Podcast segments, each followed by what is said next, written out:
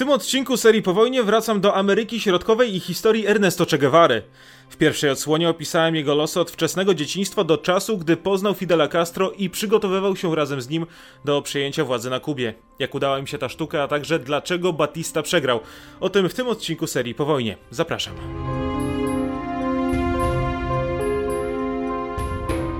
To był początek grudnia 1956 roku. W kierunku Kuby z Meksyku wypłynęła łódź Granma, na której pokładzie znaleźli się kubańscy rewolucjoniści, a wśród nich przywódca rebelii Fidel Castro oraz jego nowy przyjaciel Ernesto Guevara.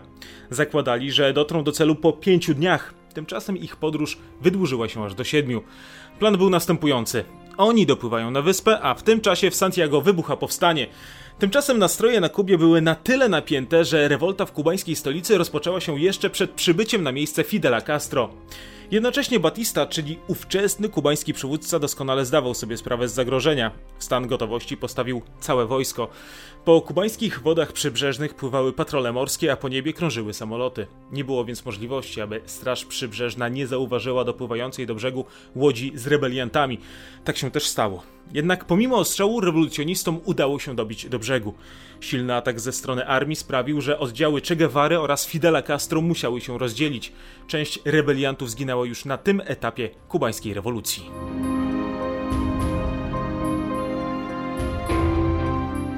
Pierwszych kilka dni na lądzie było dla Che i jego ludzi bardzo trudnych. Stale byli narażeni na ostrzał. Nad ich głowami latały samoloty. Musieli ukrywać się w lesie bez dostępu do jedzenia i picia. Byli wykończeni. Aby udawać kubańskich chłopów, zdjęli mundury i wyrzucili broń. Jedynie Guevara i jego bliski współpracownik zachowali pistolety. Po kilku dniach jeden z ludzi Fidela odnalazł ich i zaprowadził do Castro, który w tym czasie ukrywał się w górach. Jak się później okaże, spośród 82 osób, które przypłynęły łodzią na wyspę, do walki gotowych pozostało zaledwie 15. Brakowało broni. Rebelianci przez kilka kolejnych dni organizowali uzbrojenie, a Fidel rekrutował kolejnych rebeliantów. Tymczasem Batista do wytropienia Castro wysłał w góry ponad 400 żołnierzy. Rebelianci musieli uciekać. Po drodze zaatakowali miejscowe koszary. Zginęło dwóch żołnierzy. Pierwszego żołnierza Che Guevara zabił kilka dni później. Rebelianci zostali zaatakowani przez armię. Ponownie udało im się uciec. Przez następne tygodnie błąkali się po Sierra Maestra, rekrutując kolejnych ochotników do walki o wolną Kubę. Musieli się spieszyć. Ich śladami stale podążała armia Batisty. Oprócz tego po okolicy kręcili się szpiedzy przebrani za wieśniaków. Część z nich wpadła w ręce rebeliantów. Cze opowiadał się dla nich za karą śmierci. Tymczasem Fidel niekiedy pozwalał puszczać ich wolno. Guevara nie zawsze miał dobre relacje z kierownictwem ruchu 26 lipca, które złożone było w większości z ludzi pochodzących z wyższych klas społecznych. Niektórzy z nich zdobyli wykształcenie w Stanach Zjednoczonych, co nie podobało się Che Guevarze. Był marksistą. Jednocześnie po przybyciu na Kubę stawał się coraz bardziej brutalny. Bez mrugnięcia okiem strzelał w głowę zdrajcom. Miał regularne ataki astmy, która doskwierała mu od czasów dzieciństwa. Zdarzały się sytuacje, gdy nie był w stanie samodzielnie chodzić. Wtedy ratowały go zastrzyki z adrenaliną.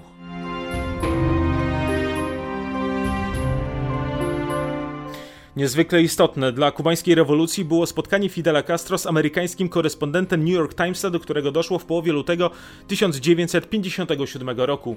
Amerykanin przeprowadził wtedy trzygodzinny wywiad. Dlaczego ta rozmowa odcisnęła tak duże piętno na dalszym przebiegu kubańskiej rewolucji?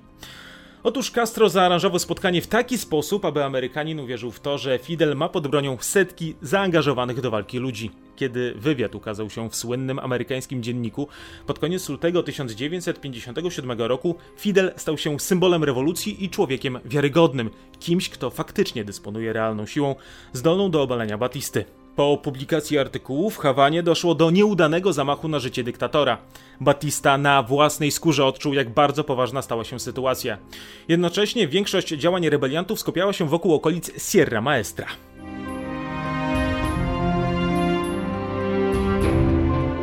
Tym samym czasie przywódca ruchu 26 lipca napisał apel do kubańskiego narodu, w którym przekonywał, że wojna trwa i będzie trwać aż do ostatecznego zwycięstwa rewolucji. Fidel, aby osłabić reżim Batisty, zachęcał do strajku i palenia pól trzciny cukrowej. Jednocześnie Castro, w przeciwieństwie do Guevary, nie opowiadał się po stronie komunizmu. Doskonale wiedział, że społeczeństwo i większość zwolenników ruchu 26 lipca jest przeciwna komunizmowi. To oczywiście niekoniecznie podobało się Che Guevarze. Tymczasem strona rządowa też nie pozostawała w odwrocie. Żołnierze mordowali każdego, kto wspierał Castro. Ginęli wieśniacy i ich rodziny. Zatrzymywani byli członkowie ruchu 26 lipca. Ich chciała, aby wzbudzać terror, niekiedy wieszane były na drzewach. Jednocześnie również i strona rebeliancka dopuszczała się w tym czasie czynów niegodnych. Często głodni partyzanci napadali na lokalne sklepy i okradali chłopów m.in. z mięsa. Tworzyły się osobne gangi. W ich przypadku rebelianci czasem sami wymierzali sprawiedliwość. Castro stawał się coraz popularniejszy. Udzielał kolejnych wywiadów Amerykanom. W Stanach Zjednoczonych odbywały się projekcje filmów dokumentalnych o kubańskich bojownikach z dżungli. To sprawiało, że młodzi Kubańczycy dołączali do niewielkiej armii. To natomiast powodowało, że Castro zaczął planować kolejną dużą ofensywę. Pierwszym celem miał być nadbrzeżny garnizon El Uvero, gdzie na co dzień przebywało około 60 żołnierzy. Tym zwycięstwem chciał wzmocnić swoją legendę. Che Guevara miał zająć się rozstawieniem jednego z karabinów maszynowych. W ataku uczestniczyło łącznie ponad 120 rebeliantów. Żołnierze Batisty byli bez szans. Fideliści odnieśli pierwsze tak duże zwycięstwo. Tymczasem do armii Castro napływali kolejni rekruci. Che otrzymał stopień komendanta i dostał pod komendę 75 osób. Co ciekawe, tak wysokiego stanowiska nie otrzymał wtedy brat Fidela Raul. Dlaczego tak się stało? Tego historycy nadal nie są w stanie dokładnie wyjaśnić. Che Guevara był bardzo podejrzliwy wobec nowych ludzi dołączających do rebelii. Wiedział, że służby Batisty infiltrują środowisko buntowników. Tymczasem w prasie obowiązywała cenzura, a policja stawała się coraz bardziej bezwzględna. Dlatego dla Amerykanów dyktator stawał się niewygodny. Tym bardziej, że Castro nie określał siebie jako komunisty. W Departamencie Stanu USA zaczęli pojawiać się ludzie, którzy opowiadali się po stronie Fidela Castro. Wśród nich był m.in. zastępca sekretarza stanu do spraw Ameryki Łacińskiej Roy Rabottam. Dlatego agenci Stanów Zjednoczonych otrzymali zadanie skontaktowania się z przywódcą kubańskiej rewolucji. Do połowy 1958 roku CIA przekaże różnym osobom związanym z ruchem 26 lipca aż 50 tysięcy dolarów. Ostatecznie do ich spotkania z Castro nigdy nie dojdzie. On sam będzie osiągał sukcesy bez takiej potrzeby. Jego oddziały m.in. skutecznie zaatakują obóz wojskowy niedaleko Las Cuevas.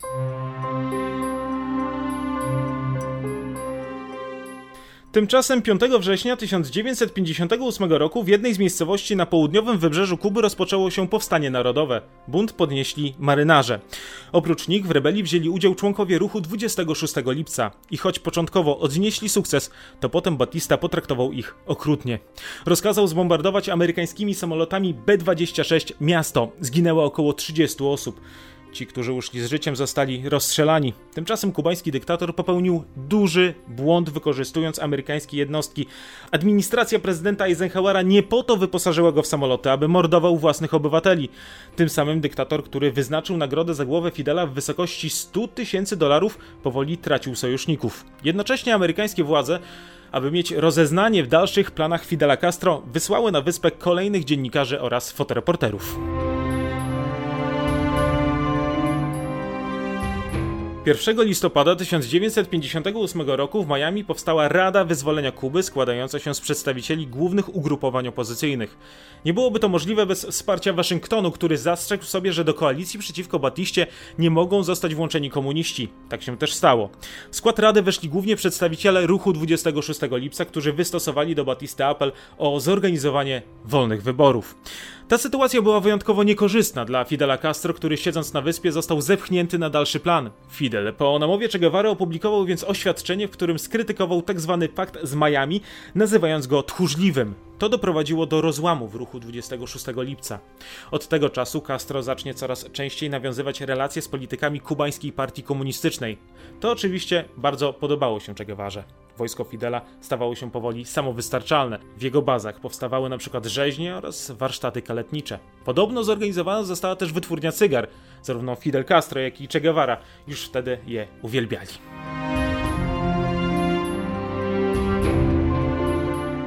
Oddziały Che Guevara oraz Fidela Castro stale atakowały posterunki wojskowe, a Batista w odpowiedzi na te działania mordował sympatyzujących z rewolucją wieśniaków. Wojna domowa stawała się coraz krwawsza i ginęło w niej coraz więcej cywili. W tej sytuacji Stany Zjednoczone postanowiły zawiesić dostawy broni na Kubę. W marcu 1958 roku Kościół katolicki wezwał do zakończenia rebelii i powołania rządu jedności narodowej ze specjalnym komitetem, który wypracuje kompromis między stronami konfliktu. Batista poparł ten pomysł, ponieważ w założeniach komitet miał składać się z osób, które z nim sympatyzują. Castro takie rozwiązanie oczywiście odrzucił, zamiast tego wzywał do strajku powszechnego. Ostatecznie nic z tego jednak nie wyszło, a większość instytucji i sklepów na wyspie pozostało otwartych. W tym czasie rebelię Fidela otwarcie poparli komuniści, którzy coraz chętniej zasilali szeregi jego armii.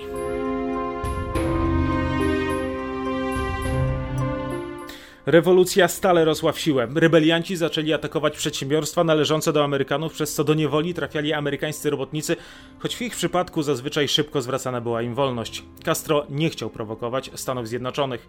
Jednocześnie jesienią 1958 roku konflikt zdecydowanie się zaogniał. Fidel chciał rozszerzyć rejon walk na całą wyspę. Tymczasem rządowe media budowały wizerunek rebeliantów przez pryzmat Che Guevary, który był zadeklarowanym marksistą. Komuniści chcą przejąć władzę, pisali prorządowi dziennikarze. Było w tym trochę prawdy, bo coraz większy wpływ na rebelię i samego Castro mieli przedstawiciele kubańskiej partii komunistycznej. Fidel stale też nakłaniał do współpracy kubańskich żołnierzy oraz ich dowódców. Podczas gdy kraj trapiła wojna domowa, na początku listopada 1958 roku na Kubie odbyły się wybory prezydenckie. Wyborcy w większości pozostali w domach. Frekwencja wyniosła zaledwie 30%. Zwyciężył kandydat Batisty Andreas Aguero. Oficjalnie ster rządów miał objąć pod koniec lutego. Rebelianci postanowili zrobić wszystko, aby do tego nie dopuścić. Na początku grudnia ofensywa armii Batisty załamała się. Oddziały dowodzone przez Che Guevara zaczęły zwycięsko atakować garnizony wojskowe przeciwnika. Rebelianci przejęli m.in. miejscowość Remedios oraz port Kaibarien. Podczas jednej z akcji Che złamał rękę. Udana ofensywa jego oddziałów, a także jednostek dowodzonych przez Raula oraz Fidela Castro spowodowała, że szala zwycięstwa przechyliła się na stronę rebelii. Rządowe wojska w zasadzie wszędzie były przyparte do muru. 26 grudnia Guevara wydał rozkaz o przygotowaniach do ataku na Hawanę.